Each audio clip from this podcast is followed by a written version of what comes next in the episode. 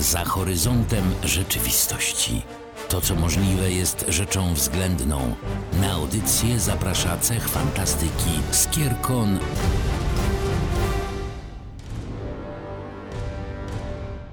Wybiła godzina 15 w niedzielę, w związku z tym czas na kolejny odcinek portalu. Witają Was Winga. I Aurelion, cześć. Jejku, jak ja dawno tego nie mówiłam. Miło usłyszeć. Rozwijamy dzisiaj kolejny etap, kolejne uniwersum, traktujemy kolejne dzieło popkultury, a Tobie pozostawię przyjemność przedstawienia naszego dzisiejszego bohatera. No cóż, Aurelionie, ja mogę powiedzieć, dzisiaj ukradniemy deklarację niepodległości. Dla mnie bomba. Jutro będziemy pewnie rabowali grobowce faraonów, a pojutrze zdobywamy kontrolę nad światem. Tak, Pinki. Sięgamy dzisiaj po franczyzę, która w Stanach Zjednoczonych, no cóż, jest ogromna i faktycznie zarobiła gigantyczne pieniądze i tak naprawdę ciągnie się do dzisiaj. Trochę chyba mniejszą popularność zdobyła poza Stanami Zjednoczonymi, ale to pewnie wynika czysto z wątku fabularnego. Hollywoodzkie wizjonerstwo, które propsowało kulturę amerykańską i pomniki historyczne i takie historycznie uświęcone miejsca w Stanach Zjednoczonych, owszem, rozpropagowały to dzieło kultury na całym świecie i również przypuszczalnie z tego względu te popularne miejsca, takie, które są no, takimi monumentami historycznymi i kulturalnymi, jako łatwo rozpoznawalne symbole historii y, Stanów Zjednoczonych, są obficie reprezentowane we, we wszystkich etapach tej franczyzy. Tak, oczywiście, jeżeli się dotychczas nie domyśliliście po grafice, po tytule odcinka i po tym, co powiedzieliśmy do tej pory, będziemy dzisiaj rozmawiać o Skarbie Narodów. Jeszcze, jakbyście się nie domyślili, to Nicolas Cage owszem tam odgrywa i owszem odgrywa. Odgrywa, tak, to się mu rzadko zdarza, ale to jest franczyza, w której gra. Ale do Nicolasa Cage'a jeszcze wrócimy. Zacznijmy może od samej produkcji, skąd się w zasadzie ona wzięła. W późnych latach 90. wciąż świętowaliśmy to, o czym będziemy mówili nie za długo w portalu. Tutaj uchylam rąbka tajemnicy dla wszystkich ciekawskich i dla wszystkich, którzy interesują się przepowiadaniem przyszłości. Będziemy bowiem mówili nie za długo w portalu o Indianie Jonesie. Popularność Indiana Jonesy, popularność takich dzieł kultury jak Kot Leonardo da Vinci czy gier komputerowych z serii Tomb Raider, owszem, wywołały w twórcach hollywoodzkich gorączkę złota gorączkę złota i potrzebę pokazania, że same Stany Zjednoczone, pomimo tego, że są tak młodym krajem, to jednak mają swoją historię i u nich też są niesamowite skarby i cudowne rzeczy można odkrywać i mapy skarbów to jest coś, co jest po prostu na każdym kroku. I w 1999 roku tak naprawdę pojawił się pomysł na stworzenie filmu Skarb Narodów. Scenarzystą tego filmu był wówczas Jim Kauf, który napisał właśnie cały scenariusz, natomiast ten scenariusz się okazał na tyle skomplikowany, zagadki, które w nim scenarzysta zawarł, były na tyle trudne do rozwiązania, że ostatecznie tak naprawdę film wyszedł w 2003 roku,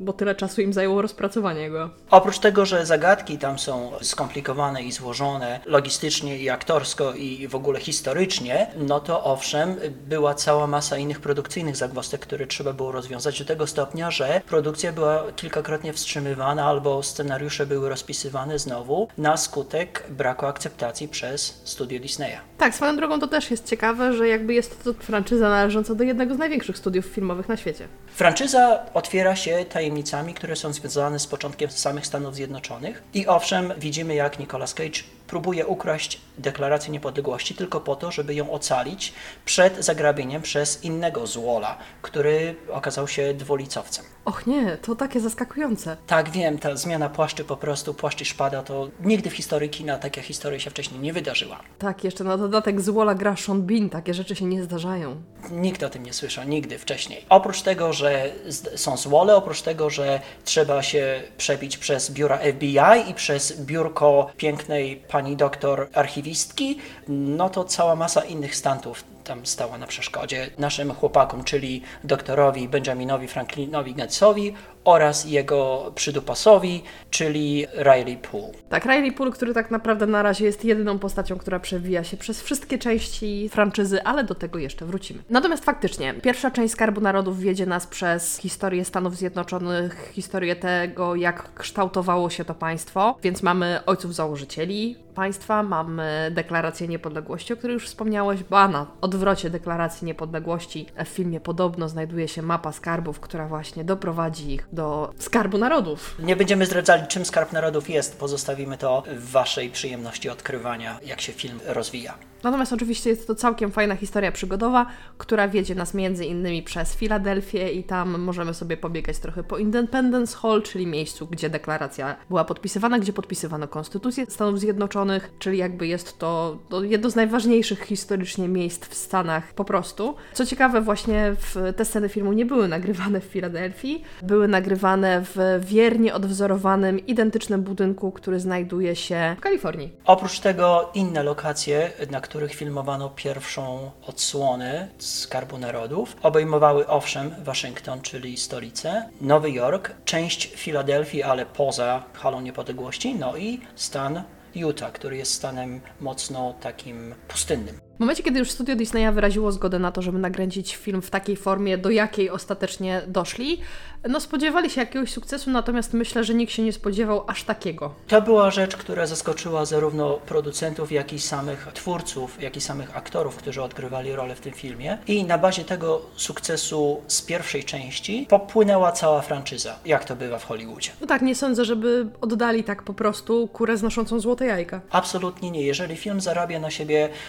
3,5-krotność swojej wartości produkcyjnej, to oznacza, że ludzie chcą oglądać taką rozrywkę i chcą za taką rozrywkę płacić. W związku z tym po deklaracji niepodległości potem ratowaliśmy inne zaginione skarby kultury, również z historii Stanów Zjednoczonych, tym razem z zaszłości historycznych z Francją i z Wielką Brytanią. Co ciekawe, to właśnie ta druga część mi osobiście dużo bardziej utkwiła w pamięci tak czysto fabularnie, ale do tego też jeszcze za chwilę wrócimy. To, co mnie urzekło we franczyzie, przynajmniej w tej filmowej części jej odsłony, to to, że udało się twórcom ogarnąć obsadę aktorską, która generalnie powtarzała swoje role w obu filmach. I dla mnie to jest efekt świadczący o tym, że twórcy zaangażowali się i twórcy stworzyli jakość, gdzie aktorzy chcieli swoimi twarzami tą jakość podbić i chcieli to dalej tworzyć albo współtworzyć. Więc dla mnie to jest wartość dodana, ale świadczy o tym, że gra była warta świeczki. Trójka, a nawet czwórka głównych aktorów występujących w pierwszej części filmu zaangażowało się w drugi film,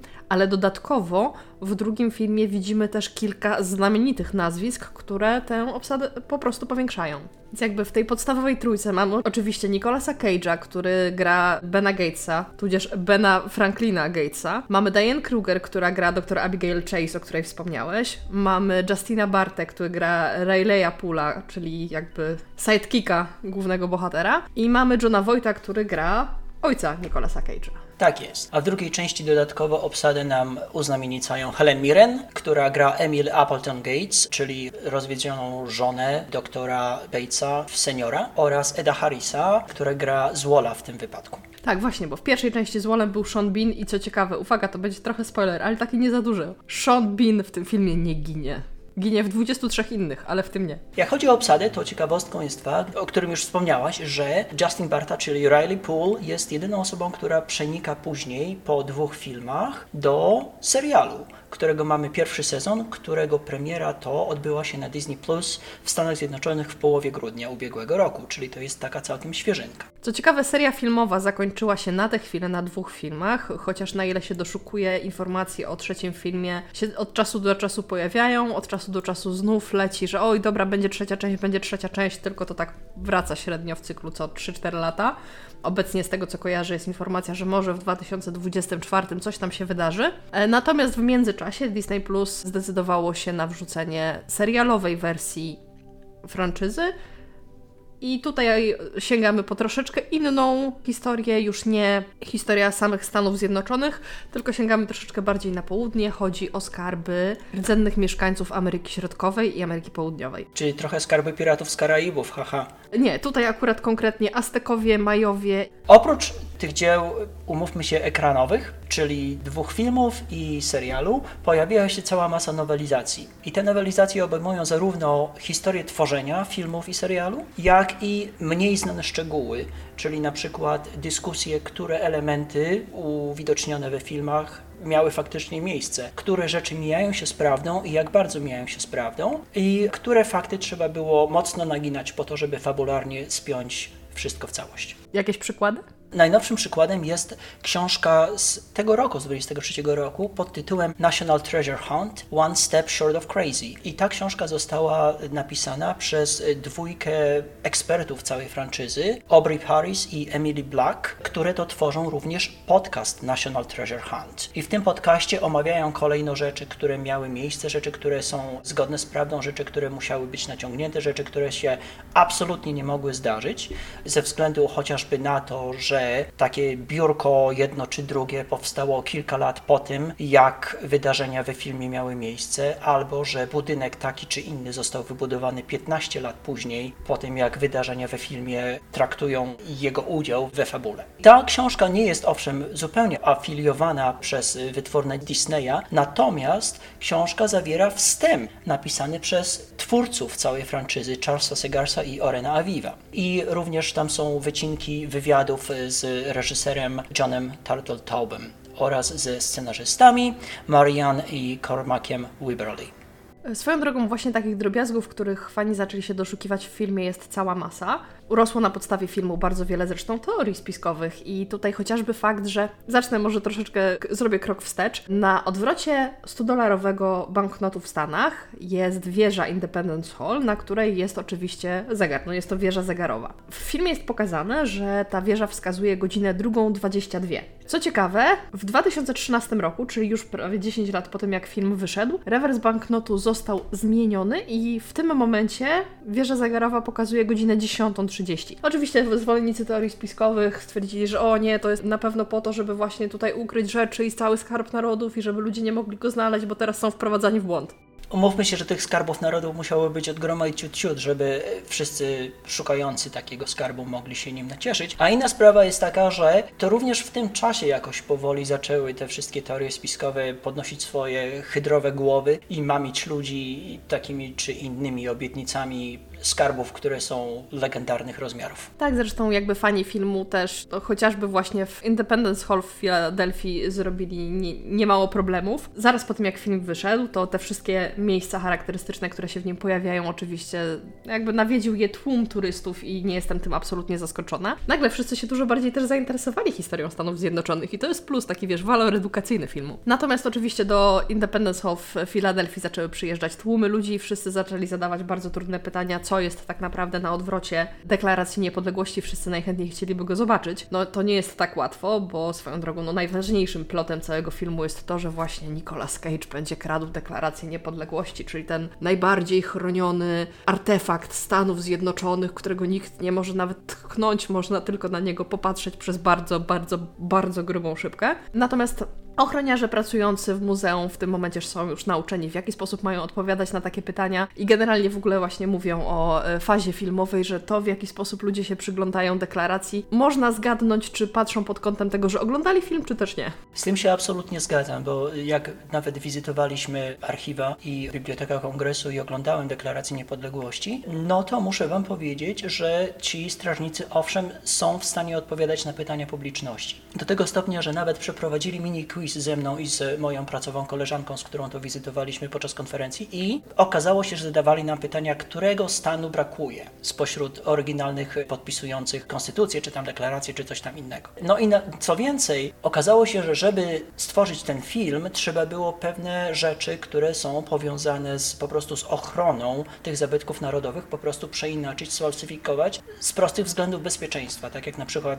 nie chcielibyśmy, żeby wszystkie sekrety ochrony lotniska zostały uwidocznione na filmu, chcielibyśmy, żeby wszystkie sekrety banków były pokazane we filmach, tak samo postąpiono tutaj, celowo mistyfikując pewne mechanizmy, pewne środki ochrony, pewne środki bezpieczeństwa. Tak swoją drogą, odpowiadając Wam na to bardzo trudne pytanie, co znajduje się na odwrocie Deklaracji Niepodległości, tam się znajduje dokładnie jeden napis i brzmi on, jest to oryginalna Deklaracja Niepodległości datowana na 4 lipca 1776 roku. Dlaczego jest taki napis na Deklaracji Niepodległości, skoro powinna być jedna, jedyna? Otóż dlatego, że w momencie, kiedy została spisana, czyli jeszcze na długo przed tym, jak wylądowała w archiwach Muzeum Narodowego, to była przewożona pomiędzy różnymi budynkami kongresowymi w całych Stanach i kurierzy po prostu zrolowaną wozili ją w rulonach długich i trzeba było wiedzieć, która jest tą właściwą, oryginalną, jedyną i niepowtarzalną. Ta kwestia zostaje też podniesiona w już 25 minucie filmu, gdzie dr Abigail Chales informuje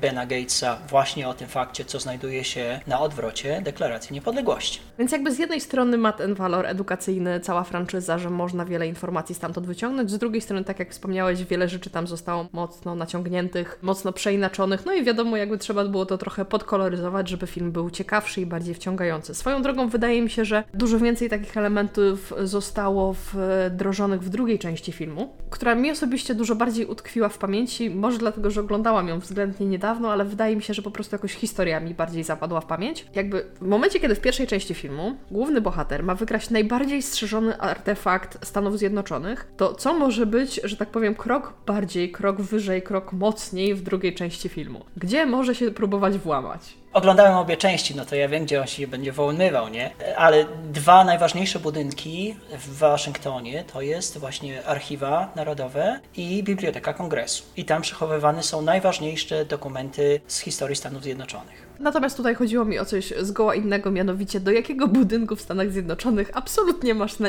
nikłe szanse, że się kiedykolwiek włamiesz, czyli gabinet owalny w Białym Domu.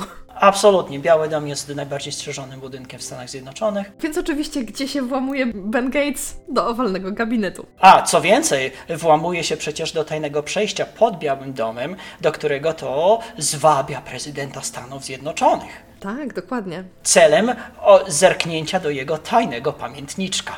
Właśnie, bo ten pamiętniczek jest tutaj kluczowy. Druga część filmu nosi podtytuł Księga Tajemnic i jest to właśnie magiczny pamiętnik przekazywany z prezydenta na prezydenta, w którym są zapisane największe tajemnice Stanów Zjednoczonych i on jest tylko przez kolejnych prezydentów uzupełniany i on jest ściśle tajny. Żaden prezydent nie może się przyznać do tego, że wie, że coś takiego istnieje i w ogóle one są dopiero kitrane w takich skrytkach, że hu, zapomnij, że je znajdziesz. A co więcej, prezydenci sami nie wiedzą, jakie tajemnice w tym pamiętniczku są prze przekazywane, bo druga część kończy się spoilerem, kiedy to Ben Gates zaczyna prezydentowi mówić, co owszem znajduje się na stronie 47 pamiętniczka, co było tajemnym questem od prezydenta dla samego Bena Gatesa. No i popatrz. Ale co ciekawe, Barack Obama niedługo po tym, jak objął urząd, w trakcie wywiadu dla radia w Filadelfii, wspomina między innymi właśnie o tym, że tak, on już e, swoją część pamiętnika przeczytał, on już się zapoznał z książką, już, już zna wszystkie tajemnice. Ba, dziennikarz się go zapytał, jaka jest najważniejsza i najbardziej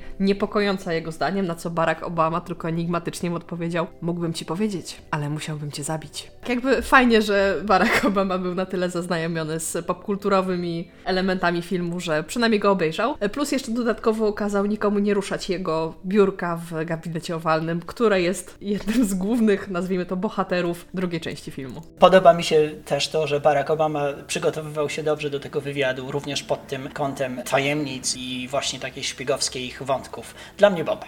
W ogóle taki mały, może ma, mała anegdotka, Barack Obama generalnie miał tendencję do nawiązywania do elementów popkulturowych. Bardzo mi się podobało, jak w którymś momencie w Stanach pojawiła się petycja o to, żeby Stany Zjednoczone sfinansowały budowę Gwiazdy Śmierci. Ponieważ zebrała odpowiednią liczbę głosów, wówczas e, władze kraju są zobowiązane do tego, żeby taką petycję rozpatrzeć. I Barack Obama ostatecznie to skomentował, że niestety jakby Stany Zjednoczone nie wyłożą środków na to, żeby wybudować Gwiazdę Śmierci, ponieważ wyłożenie iluś tam trylionów dolarów na obieg, który jesteśmy w stanie zlikwidować jednym małym samolotem strzelającym w odpowiedni komin wentylacyjny, no to sorry, jakby pieniądze wydane w błoto, nie. Może to i dobrze, do Gwiezdnych Wojen wrócimy w innych odcinkach portalu, a dzisiaj jeszcze wróćmy do tego, jakimi falami historia Skarbu Narodów się odbiła w popkulturze. I otóż odbiła się falami niemałymi, no bo cała franczyza możemy powiedzieć, że zarobiła na siebie znacznie, ponieważ e, budżet obu filmów wynosił 230 milionów dolarów, a całkowity dochód z prezentacji filmów w kinach i w telewizji i na wideo i na DVD wyniósł 918 milionów z groszami. I w związku z tym to są niebagatelne pieniądze, więc przebitka jest znaczna, no i z tego względu mieliśmy później te wszystkie części serialowe. Dalej jesteśmy mamieni obietnicą trzeciej części filmowej. Miejmy nadzieję, że kiedyś to się jeszcze objawi, natomiast sam Nicolas Cage jakby nie rokuje temu zbytnio. Co więcej, oprócz samych pieniężnych środków, które podsumowują, że efekt tego był znaczny, są też nominacje i nagrody, które filmy zgarnęły. No bo zgarnęły jedną nagrodę w 2005 roku za muzykę, były nominowane do ponad y, tuzina nagród obie części, no i owszem, wygrały 3 czy 4 złote maliny co pokazuje na, no umówmy się, może nie jakąś tam kiepską jakość, ale zawsze jest aktywnością dokumentującą jakąś jakość i fakt, że publiczność odpowiedziała na to, co im zaoferowano. Tutaj faktycznie Nicolas Cage był nominowany do Złotej Maliny za drugą część filmu, zresztą razem z aktorem grającym jego ojca, czyli z Johnem Voightem. I przegrali chyba tylko w jednej kategorii, do której byli nominowani, z Eddie Murphy. Oh no. W każdym razie byli nominowani do Złotych Malin, natomiast osobiście uważam, że przynajmniej pierwsza część filmu to jest ta część, w której Nicolas Cage gra. Zgadzam się. Y, To jest jeden z niewielu filmów, które obejrzałem z Nicolasem Cage'em i do tej pory żyje. Także teorie spiskowe o tym, że liczba samobójstw jest powiązana z liczbami filmów, które Nicolas Cage wypuszcza, może w moim przypadku niekoniecznie się sprawdzają, ale Nicolas Cage owszem wydaje się grać w tym pierwszym filmie i co więcej wydaje się, że obsada Nicolasa Cage'a w tej roli owszem się fabularnie sprawdziła przynajmniej w mojej osobistej opinii. Tak, nie ukrywam, że jakby jednym z, z powodów, dla których ja miałam bardzo duże opory do tego, żeby do tego filmu lata temu przysiąść, był właśnie Nicolas Cage, za którym ja po prostu nie przepadam i chyba jedyny film z nim, który mi się podobał, to był film Bez twarzy, w którym de facto Nicolasa Cage'a gra John Travolta, więc... No ale cóż, na pewno nie można porównywać Nicolasa Cage'a do choćby, nie wiem... Larry Croft O nie, do Larry Croft nie można porównywać Indiana Jonesa. Przepraszam, Nicolasa Cage'a. A do Indiana Jonesa można? Do Indiana Jonesa też chyba nie za bardzo, dlatego że, no bo owszem, Harrison Ford, owszem, prezentuje jakąś, no trochę inną jakość jakby, zarówno w przygotowaniu do roli, jak i w odgrywaniu do roli, jak i w improwizacji na scenach filmu. Ale można to porównywać do innych dzieł kultury, które znamy i, no zależy, umówmy się, lubimy albo nie lubimy, ale generalnie, owszem, się odbiły również echem. Tomb Raider, wiadomo, to jest jakość kinowa średnia, przynajmniej w mojej opinii, natomiast to jest podobna do Skarbu Narodów huśtawka, to jest podobny roller coaster, to jest film akcji, fabularny, familijny, z przygodami, z poszukiwaniami, tam gdzie złole pokazują swoje brzydkie twarze i tak dalej, i tak dalej. Podobnie jak w Indianie Jonesie. Podobną historię z dawką adrenaliny, z takimi pościgami, z dzikimi wydarzeniami i z rozwiązywaniem zagadek, w mojej opinii prezentuje nam cała seria książek rozpoczęta kodem Da Vinci, autorstwa Dana Browna. W mojej osobistej opinii podobną serię dostajemy w książkach z serii Poszukiwaczy Luisa Montero Manglano, ta seria rozpoczęła się od stołu króla Salomona. W tej chwili mamy cztery albo pięć powieści w tej serii i wszystkie one mają właśnie ten sam schemat, że jest grupa poszukiwaczy, którzy starają się odnaleźć skarby, żeby je ochronić przed zaborczymi łapami złoli, którzy starają się owszem ich użyć do swoich niecnych celów. A całkiem niedawno na ekrany kin, chyba w tamtym roku, weszło również Uncharted, które jest podobną produkcją, w mojej opinii, która też się dobrze wiąże tak stylistycznie z tym wszystkim, o czym dzisiaj mówimy. Tak, jeszcze oczywiście musi być Dora i Miasto Złota. Nie, żartuję. Jakby chyba ostatnio za dużo filmów dla dzieci oglądam. Ale tak, zdecydowanie. Kino przygodowe, jeszcze dodatkowo z tym takim wątkiem historycznym. No ja osobiście jestem szczególnie fanką Tomb Raidera i to jeszcze tego pierwszego wydania Tomb Raidera filmowego z Angeliną Jolie w roli tytułowej. To jest dla mnie kwintesencja właśnie takiego kina przygodowego. To jest film, na którym ja się świetnie bawiłam i nie ukrywam, trochę tego znalazłam również właśnie w Skarbie Narodów. To jest po prostu fajne, przyjemne kino i również serial, który w tym momencie możecie znaleźć na platformie Disney+, jest czymś takim. Tutaj co prawda fabuła jest może trochę bardziej płytka, przynajmniej takie odnoszę wrażenie po pierwszych paru odcinkach, ale też jest to serial, jest to trochę bardziej rozwleczone, tu jest trochę więcej wątków międzyludzkich, trochę więcej tworzenia historii postaci, trochę więcej relacji między tymi bohaterami. W związku z tym cały serial troszeczkę traci na tempie, jest tam mniej tych takich przygód, natomiast żeby nie było, jest to nadal ciekawy serial przygodowy. Wydaje mi się, że to dalej może być rozrywka. Jeżeli ktoś lubi tego typu styl, tego typu gatunki, to odnajdzie się zarówno we filmie, jak i w serialu. A jeżeli e, Was to mniej bawi, no to owszem, możecie sięgnąć do książek, gdzie tych książek jest cała masa tak naprawdę, bo oprócz tych dzieł, które już wymieniliśmy, mogę Wam podać przynajmniej 3 czy 4 jeszcze inne przykłady, które owszem byłem, przeczytałem i zarzuciłem na jednym czy na drugim etapie. Więc to jest jakby gatunek kultury, który się owszem rozwija, i który będzie się tworzył, ale umówmy się, że jego wartość oprócz tej rozrywki, którą dostarcza ludziom, jest również taka, którą ty omówiłaś wcześniej, czyli zatrącanie o edukację, zaciekawienie publiczności do tego, żeby odwiedzać chociażby te archiwa, czy muzea, czy różne inne dzieła, które będą edukować bardziej no, rygorystycznie, tak bardziej tradycjonalnie, bardziej, no umówmy się, realistycznie co do prawdy historycznej.